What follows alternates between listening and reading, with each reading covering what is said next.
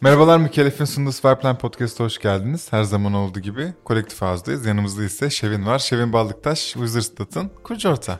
Hoş geldin. Hoş geldin. Hoş bulduk. Çok teşekkür ederim. Biz Yatırımı teşekkür burnunda. Yatırım burnunda. Onu Yok, kon- çok da burnunda değil artık. Ne kadar olmuştu? 3 ay oldu mu? İki ay. 14 Eylül 2021'de sicilde tescil edildi. Hiçbir şey bayağı burnundaymış o zaman. Hemen hemen iki ay. Ee, bize bir en başta Userstat'ı anlatsana. Ee, anlatayım. Usersat ne Beklemedim yapar bir anda? Beklemedi yerden gelmiş ben yapamazsın. sorunun bana geleceğini beklemiyordum o sırada. Daha aranızda konuşuyorsunuz diye düşünüyordum. Usersat Onu kesmeye çalışıyoruz. arada hiç kesecek misiniz? Hayır.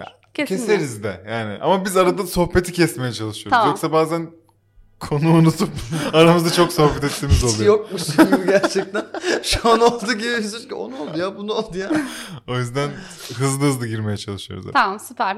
Usersat şunu yapıyor. Pazar yerlerindeki datayı anlamlandırıp e-ticaret ekiplerine veya pazar yerinde satış yapan satıcılara e, yapmaları gereken aksiyonu öneriyor.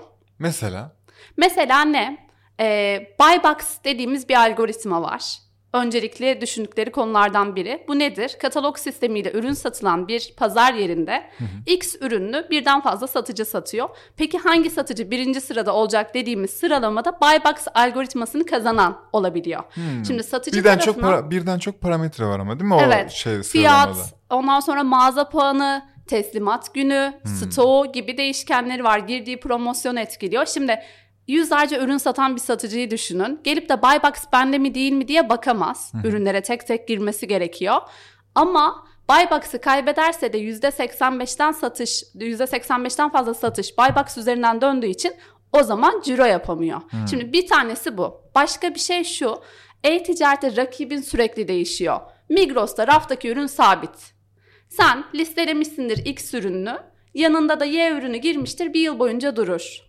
Ama online'da şampuan aradığında alışverişçi karşısına ne çıkıyorsa senin rakibin o. Eğer sen de şampuan satıyorsan. Tabii. Cilt serumuysa cilt serumu. Cilt bakımı olarak bakıyorsan, daha genel bakıyorsan onun içindeki ne? Bunları takip etmelerini sağlıyoruz. Tamam. İyi mi? Zor iş. Bu peki şeyi düşündürüyor bana. Pazar yerleriyle çalışıyorsun. E, Trendyol hepsi burada gibi. E, onun harici e-ticaret altyapısı olan markalarla da çalışıyor musun? Şöyle pazar yerinde satış yapan e, markalarla çalışıyorum aslında. Birebir de Ha, pazar yeriyle pazar yeri çalışmıyorum. Pazar yerinde satış yapıyorsam ben sana diyorum ki gel bana.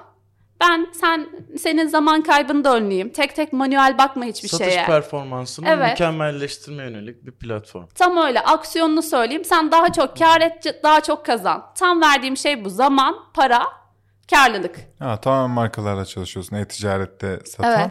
Ve sen burada kimin işini kolaylaştırmış oluyorsun? Oradaki e-ticaret e, uzmanının mı? Şöyle. Kimin oluyor orada?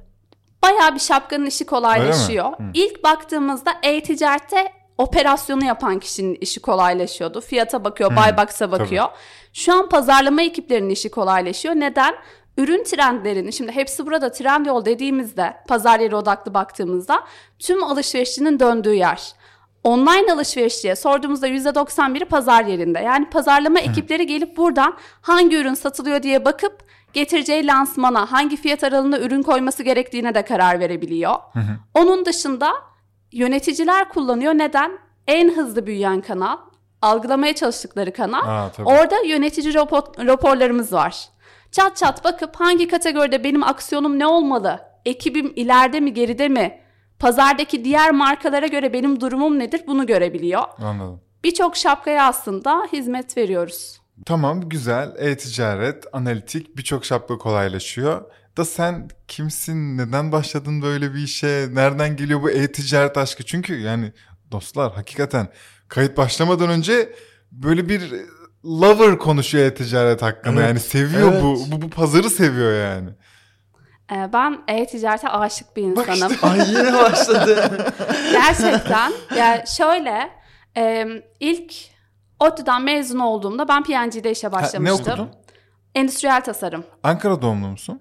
Ee, ı-ı, Kastamonu doğumluyum. Sonra Ankara'ya okul için mi gidiyorsun yoksa? Şöyle benim ailem Ankaralı. Ben şans eseri ailedeki Kastamonu'da doğan tek insanım. Ha, baba ya da anne tayin İş olan bir nedeniyle işten. oradalardı Hı. ama o dönemde ablam da işte benden üç buçuk yıl önce doğuyor. O Ankara'da. Beni Kastamonu'da yapmışlar. Yani bilmiyorum nedenini. Denk gelmiş. Neyse Kastamonuluyum. Her yerden olabilirim yani biriyle konuşurken. Tabii. Ee, Ankaralıyım. Ankara'da ODTÜ'yü bitirdim. Ee, son senemde PNG'de başladım. Daha öğrenciyken part-time satışçı başlatıp full-time'ı da imzalattılar. Mezun olduğumda işim hazırdı. Lokal zincirlere satışa gidiyordum. Tamam. E, yani ne yapıyordum? İşte Prima, Ariel gibi ürünleri bildiğiniz. e, burada Happy Center gibi loka, tüm markaları geçirdim ama geçirmemem mi gerekiyor? Rahat. Lütfen Tamam. Biz onlara sonra şey fatura Faturaları yollarsınız.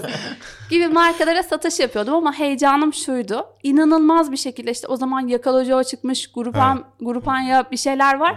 Onlarla proje yapmaya çalışıyorum. Yerel zincirdeki amcayı alıyorum diyorum ki işte biz e, Yakalojo'da fırsat çıkalım falan. Çok heyecanlıydım öyle şeylere. O zaman da bir tane satış direktörümüz vardı Antoine Fransız. Onu da her bulduğumda asansörde bir yerde sıkıştırıp beni e-ticarete alın diyordum. Çok iyi. Ve böyle aşırı e-ticaret aşığıydım. Sürekli bunlarla ilgili okuyorum ediyorum. Hatta 2012'de e, kendime mentor buldum. Alper Akçan. Ekosistemden. O da şu an benim hatta yatırımcımdır. E, sonra nasıl gelişiyor? PNG'den sonra ne yapıyorsun? Sonra şöyle PNG artık illallah ediyor ve beni e-ticarete alıyor. PNG'de dikkatimiz dağılıyor. yeter artık alalım bu kızı. Helal bir sakinlesin. Bu, bu çok önemli. Bu asla konuyu dağıtmak istemiyorum. Ama her zaman ya bu bir gerçek var. Ağlamayan meme yok demeyeceğim. Sen istediğin şeyi mutlaka çevrendekine ve üstlerindekine belirtmek zorundasın. Kendi planını, kendi vizyonunu, kendi gitmek istediğin yeri ki onlar da seni bir yere koyabilsin. Ben, mükemmel bir şey yapmışsın bu arada. Bunun tuttuğunu koparan oluyor herhalde e, senin yaptığın. Ya bir de şöyle bir şey var. Şu da bence insanlar için önemli bir şey. E, hedefini belirlemezsen yolda sana açılan yoldan gidersin. Aynen öyle. Yolunu da bilmezsin. Yani eğer ki sen haritaya gideceğin lokasyonu yazmazsan hangi Kim tabeladan nereye- döneceğini Aynen bilmezsin. Bu girişimci için de önemli bir şey. Kariyerindeki karar veremeyen kişiler için de sen nereye gideceksin? Bir sonraki adım değil çünkü 10 adım sonra olmak istediğin yer şu an için senin bir sonraki adımını anlamlı kılan aslında. Güzel. Neyse, o zaman 10 adım sonrasını soracağız. oldum. Aynen. 10 adım sonrasında soracağız o zaman. Devam et lütfen. Ee, şöyle ondan sonra PNG'den sonra e, üç buçuk yıl PNG'de çalıştım ayrıldım. Volt'ta yolculuk paylaşımı Hmm. uygulaması Ali Aa. Halabi ile 6 ay çalıştım. Çok önemli bir insan. Orada marka e, yöneticisi olarak satıştan pazarlama tarafına geçmiş oldum. Evet Ali'den de çok şey öğrenmişimdir. En azından girişimcilikle ilgili. Kesinlikle. Ben de dinlemeyi ve okumayı çok sevdiğim bir insan gerçekten. Hiç tanışmadım bu arada. Selam eğer dinliyorsan ama e, seviyoruz kendisini. tatlıdır. Sonra Philips'ten teklif aldım. Ee, E-ticaret satışını istediler. Dedim ki satışı öğrendim. Ee, ticari pazarlama pozisyonu vardı. O da 8 yıllık bir tecrübe istiyorlar. Dedim ki e-ticarette 8 yıllık adam yok. Yok. Ben bu pozisyona talibim. Oraya geçtim. Sonra şansım yaver gitti. Dijital medya yöneticisi bir ara işten ayrıldı. O kısmı da yapma şansım oldu. Hem e-ticaret, ticari pazarlama hem dijital medya yönetimini yaptım. Sonra NN'e geçtim. Sigorta şirketi aslında. E-ticaret ne alaka dedim görüşmek istediklerinde benimle. İmzasız bir sigorta süreci, online satış Hmm. gibi kurmak istiyorlardı. İnovasyon takımına e, geçtim orada. A'dan Z'ye bir imza olmayan, satış ekibi küçük olup da otomatik katılım sistemini kurmaya çalışan bir ekibin aslında o ürünü gerçekleştirmiş oldum. Ee, hani şey vardır ya noktaları birleştir hepsi Evet. seni bir noktaya getiriyor. Aslında hem satış hem ticari pazarlama, dijital medya yönetimi, ürün yapma enende deneyimlemiş oldum. En son Colgate'in e-ticaret takım liderliği için Hmm. e, teklif geldi. Colgate'in çatı şirketi var mı yoksa Colgate, Colgate kendi... Palmolive diye geçiyor. Ha, tamam. Colgate Palmolive'de de e-ticaret takım lideri olarak çalıştım. İlk defa böyle gerçekten e, ekip yönetme Hmm. tecrübem oldu. Hatta dördüncü ayımda ekibimden biri istifa etmeye kalkmıştı. Nasıldı? ya çok kötü hissettim? Hmm. çünkü o benden yaşça büyüktü. E, şirketteki e-ticaret bilgisine sahip tek kişiydi. Hmm. E, ondan çok küçük birini yönetici olarak getiriyorlar. Ben de birazcık agresiftim herhalde o sırada. E, Evet ama sen yani... Yani Duruyorsun böyle. Aşkıyla Aynen. Evet. Onun sakin hayatına biraz böyle sonra duruldum ben de ama. Yani o benim için orası Colgate ekip yönetme konusunda tecrübe edindiğim bir yer oldu. Çok iyi. Sonra da işte istifa edip Userstat İsmi sen mi buldun? Evet. Belli. Çünkü az önceki o noktaları birleştirmekten Userstat cuk oturuyor. Peki e, fikir ya fikir babası da sen misin? Sen mi topluyorsun kurucu ortakları? Nasıl gelişiyor olay ve neden ben böyle bir şey yapayım diye çıka geliyorsun? Şöyle e, benim kurucu ortağım Gökalp. O da Huawei'den istifa etti. Teknik tarafın başında. Hmm. Onunla bizim hep şöyle bir kararımız vardı. Biz bir gün bir iş yapacağız. Hmm. O ARGE'de ve teknoloji tarafında olduğu için hep bana şöyle geliyordu. Elimizde şöyle yeni teknolojiler var. Ne yapılır? Güzel. Ee, ben de o teknolojiyi hangi problemi çözmede kullanırız diye oturtmaya çalışıyordum. Ama daha şu anki ürünümüz Datadot piyasada yok. Hatta offline'da data toplanamıyor. Bu kadar da offline'a yatırım yapılıyor. Mağaza rafında ne oluyor önünde bilmiyoruz dedik. O e, yüz tarama teknolojisiyle yapılan bir ürü, e, yapay zeka üründen bahsetmişti. İlk biz onunla çıkacaktık. Rafın önünden geçerken bir kişi e, ne Ha. kadar süre baktı, modu neydi gibi bakalım Aynen. gibi bir fikirle Anlamlandırabilmek Vardı. ve Evet. veriye Böyle bir şey dökebilmek vardı aslında. sanki Evet ama öyle şeyler var aslında ama Birkaç tane var. şu- Starter Sub'da hatta hatırlıyorum ben. Şu anda birkaç tane var. Kullanan bu e, görsel işleyen. Hı hı. o zaman onlara tavsiyem şu. Hiçbiri e, rafa odaklanmıyor. Aslında insanların istediği genel büyük veri değil. Büyük veri de anlamlı. Mağazaya kim girmiş, kim çıkmış. Ama e, mağazada rafa yatırım yapan, parayı koyan marka rafımın önünde ne oluyor diye merak ediyor. Biz ona odaklanacaktık. Ayrışma Hmm. noktamız Ha. o olacak. Sen yine marka tarafından bakacaksın. Evet. Ee, onun için bir dashboard yapmaya çalıştık. O sırada da daha böyle şey değilim. İstifa etmemişim. Bir yandan da e, şirkette şöyle bir sorun yaşıyoruz. Pazar yeri çok hızlı büyüyor. E, bizim kullandığımız bir araç var data için. Verdiği veri günlük ortalama Hmm. ve kimse kullanmıyor ekipte. Benim yöneticim diyor ki niye kullanmıyorsunuz? Diyorum ki data ölü. Yani biz baktığımızda iş işten geçmiş oluyor. Tabii. O yüzden de bir arayışa girmiştik nasıl bir araç kullanılabilir diye.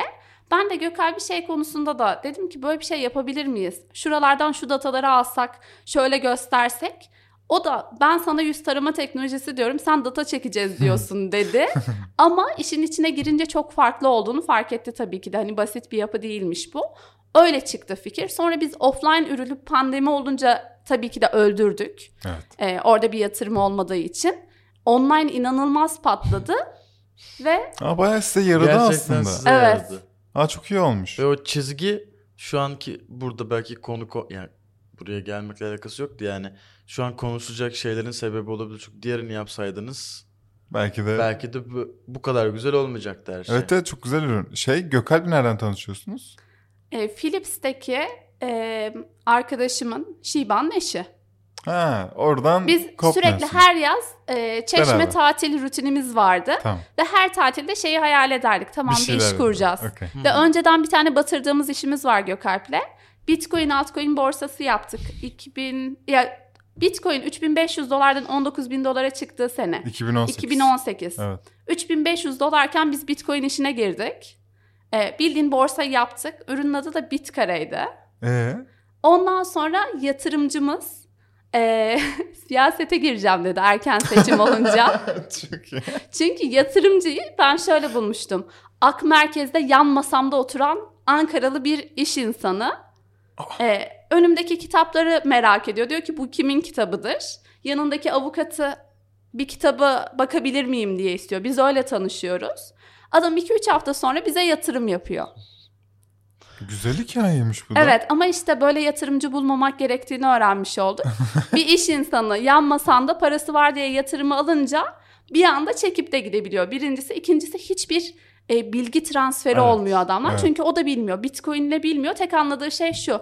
Şu kadar ben ona şey demiştim ya e, 400 dolarlık bitcoin aldım 800 dolar oldu demiştim. Onu gördü dedi ki nasıl böyle bir şey olabilir? Ben de bilmiyorum dedim. Gösterdim cüzdandan yatırım yaptı.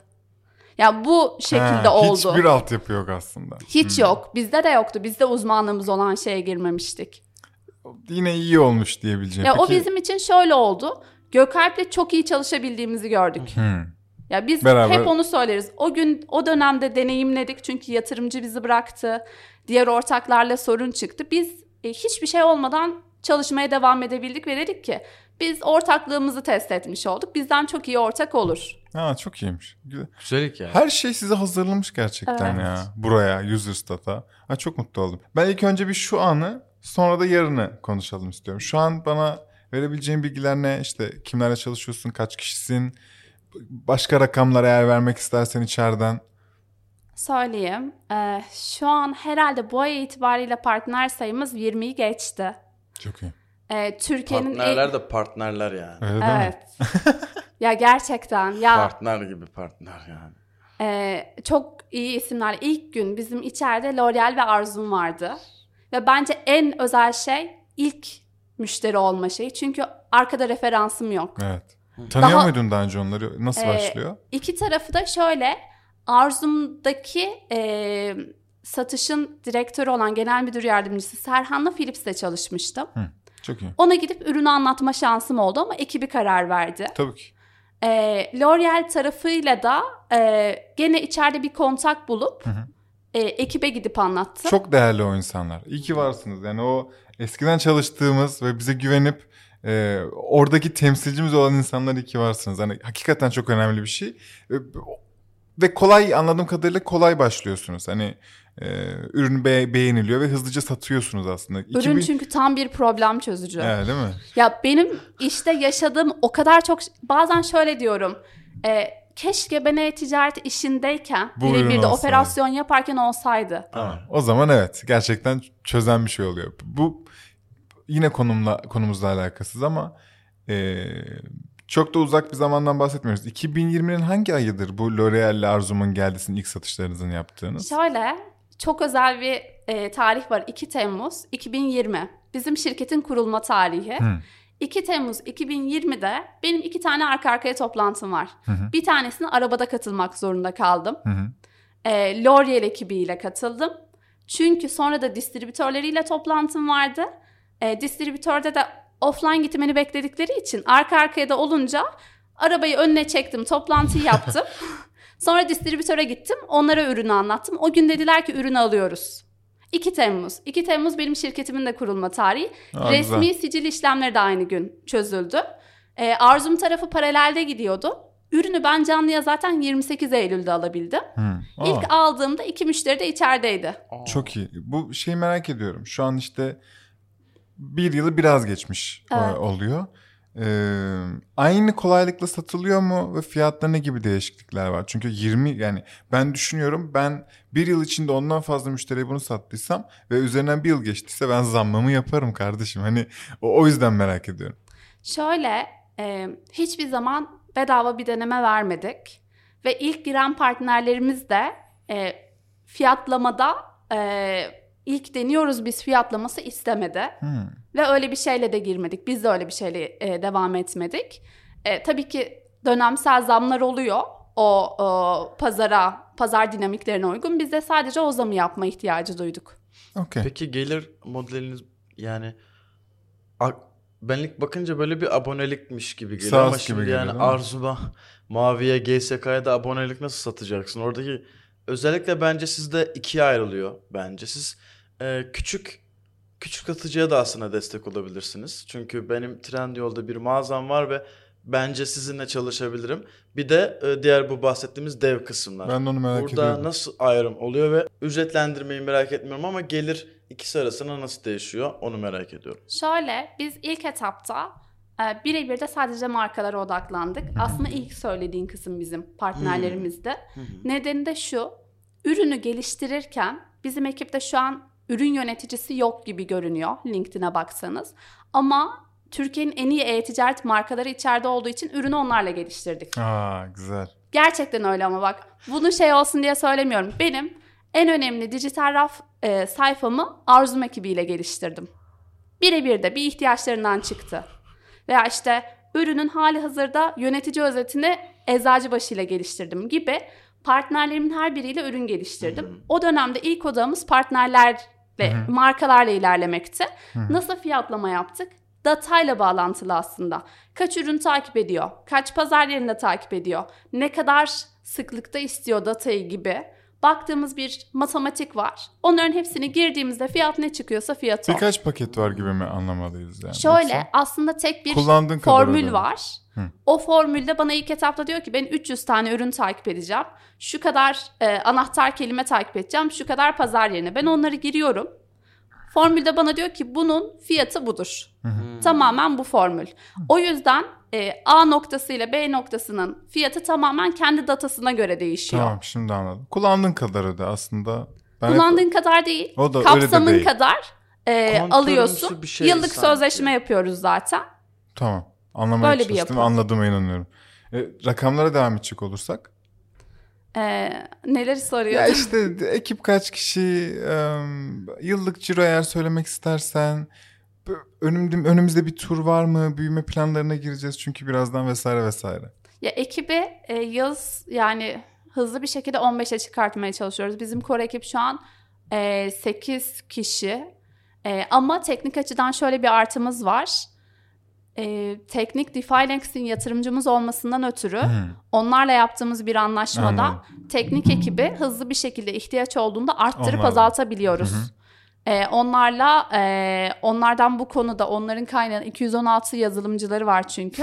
İhtiyacımız UX'e UX alalım veya ihtiyacımız o sırada Python'sa Python alalım gibi böyle e, bir çalışma modelimiz var. O Çok- yüzden ekip çok aslında kalabalık. Şimdi core ekip dışında bir de bizim operasyonel tarafı full Erciyes Holding üstleniyor. İlk yatırımcılarımızdan. Finans, muhasebe, hukuk, insan kaynakları ne varsa orada aslında bizim için çalışan ekipler var. Biz holdingten o konuda da destek alıyoruz. Benim P&L'imi bana holding raporluyor. Garip bir Güzel model.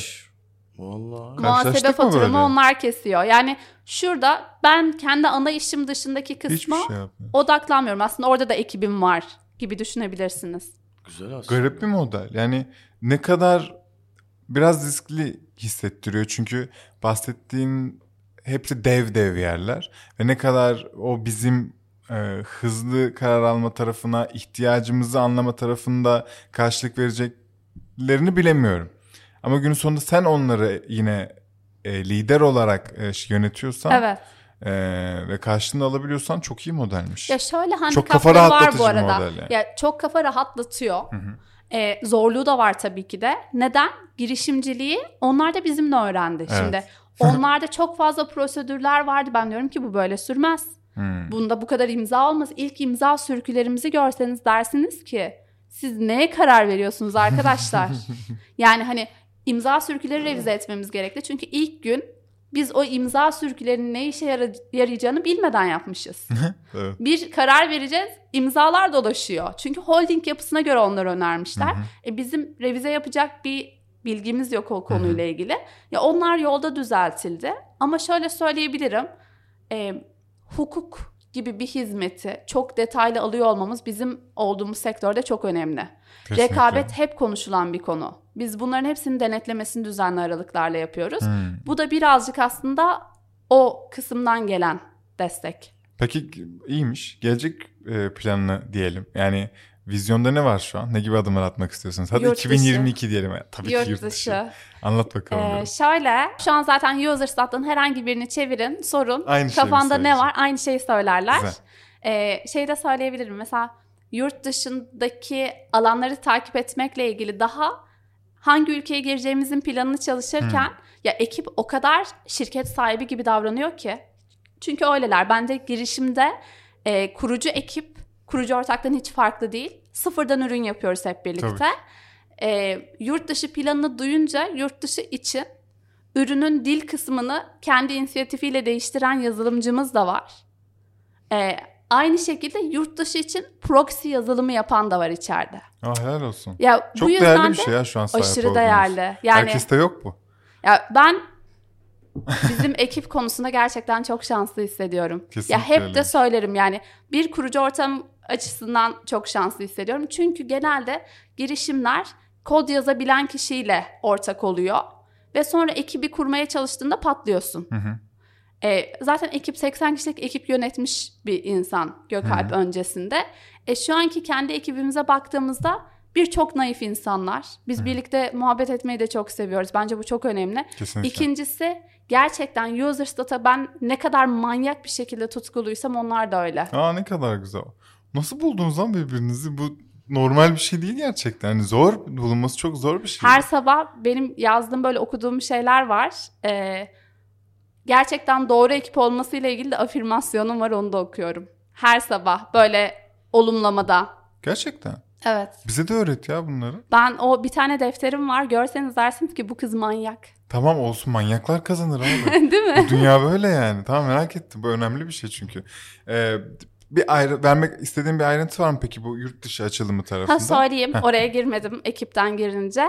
Ee, şu an bölge çalışıyoruz. Büyük ihtimalle Avrupa ve e, Mid- Middle East demeyeyim. Orta Doğu ve Avrupa. Sizin için e, hangi e, analizler, rakamlar önemli oluyor da şu an ona göre rakam ülke belirliyorsunuz? Ya Neye şöyle aslında e, ana baktığımız biz şimdi global firmalarla çalıştığımız için zaten içeride güçlü referans var. O referanstan neredeler? oraya nasıl kayarız? Tertemiz. Onların hapları nerede? Tamam çok iyi anladım. Ee, var mı sorum diye Benim düşünüyorum. bir Ha. tane sorum var. Senaryolar üzerine bir soru. Tabii ki. Şimdi e, aslında senin önerin user statı, user statı kullanırsan diğerlerine göre birkaç adım önde olursun değil mi? Çünkü Evet. belirli datalar, istatistiklerle sana anlık bir e, şunu yap şunu yap gibi yönlendirme yapıyor. Peki aynı kategoride bütün rakip olarak düşündüğüm çok sınırlı bir rakibim var diyelim benim. Bütün rakiplerin de seni kullanırsa o durumda ne yapacağız? Senin böyle işte rakibinle çalışmam gibi bir önerin var mı? Bütün rakipler gelip seninle çalışırsa hepimiz seni bıraksak da olur o zaman. Çünkü aslında yarıştığımız şey yine aynı şeye de denk geliyor. Ya aslında bence çok mantıklı ve doğru bir soru. Ee, pazar yerinde dinamik ya değişimi farklı o konunun. Neden? Ee, rakibin aslında yan marka da olmayabiliyor. Hiç bilmediğin marka da olabiliyor. Gibi aslında senin rakibin çok değişken. Ee, senin e, buradaki pazarı full almamız lazım ki marka konusunda e, bu dediğin kaygıda olsun. Burada da şu örnek var Nielsen. Zaten bu markaların her biri aynı data üzerinden strateji geliştiriyor. Biz Nielsen'in e-ticaret versiyonuyuz. Hmm. O yüzden doğru şekilde kullanan kazanır. Ha. Çünkü ben tamamen aksiyonu dataya bıraktığımda da Datadot robotuna aksiyonun kararını kuran marka ekibi. Evet. Orada ne çıktı alacaksın tamamen Evet. senin Evet. kullanımına bağlı. Bu arada söylemeyi unuttuğum bir şey oldu. E, biz bu hafta itibariyle senin sorduğun ikinci segmentimiz satıcılar için ürünümüzü geliştirdik. Aha. Artık tamamen Ben- A'dan Z'ye online alımı yapabilecekler site üzerinden. Yani Userstat.com'a girdiklerinde e, Datadot satıcı e, uzmanı ürünü seçtikleri anda 7-24 Buybox'ı onlar için takip eden ürünü daha e, minik fiyat paketleriyle alabilecekleri bir yapı sunduk. Akbank'la birlikte yaptığımız bir proje bu. Çok güzel. E, bunu da Çok böyle iyi. minik e, anlatayım istedim. Anlat anlat ya bir şey söyleyeceğim. Ben Trendyol'da satış yapan alelade bir insanım. Ben bunu Evet. artık kullanabiliyor muyum? Kullanabiliyorsun, ürünü kendin giriyorsun. Aa, E, ondan sonra e, raporlamaların başlıyor, günlük maillerini alıyorsun. Ben olmaması için asla bir sebep yok diye düşünüyordum Kesinlikle. kendimden ama e, direkt büyük markalarla çalışmak bir strateji olarak düşündüğüm için saygı duymuştum sadece. aha. Siteye girdiğimde de bireysel olarak benim yapabileceğim bir şey yok gibi geldi açıkçası. Bu sizin için bir işte şey milat olur mu sence? Çünkü yani biliyoruz ki binlerce satıcı var ve 247 bin. teşekkür ederim ve milyonlarca lira kazan belki milyarlarca lira kazanıyorlar. Çok ciddi bir pazar. Şu bu, bu taraftaki heyecan böyle çok şeyi anlattın böyle. Abi de yeni ürün gibi anlattın ama ben mi ekstra heyecanlandım acaba? Ya aslında heyecan verici çünkü güzel noktası da şu. O satıcılar e-ticarette ne yapacağını bilmiyor. Evet. Ve Ha, gelirini bak, oradan sağlamak zorunda. Yani offline daraldığında herkes bir ne yapacağız dedi. Hmm. Bence sosyal yanı da kuvvetli bir ürün. Yani ben en azından ona da heyecanlanıyorum. Şu an çok basit bir şekilde online ödeme işlemini de kendisi orada tamamladığı. Hı hı. Aylık mı ödüyorum? Aylık ödüyorsun. 3 aylık paket de alabiliyorsun. Aylık da kadar alabiliyorsun. E, fiyatlar şöyle aylık minik bir paketle başlarsa 250 TL'ye aslında Buybox onda mı değil mi fiyat takibi paketimizi alabiliyor. Çok iyi. 250 hiçbir şey. Entegrasyon, pazar yeri entegrasyonları daha pahalı bazen. Ee, bir de işte şeyi düşündürüyor bana.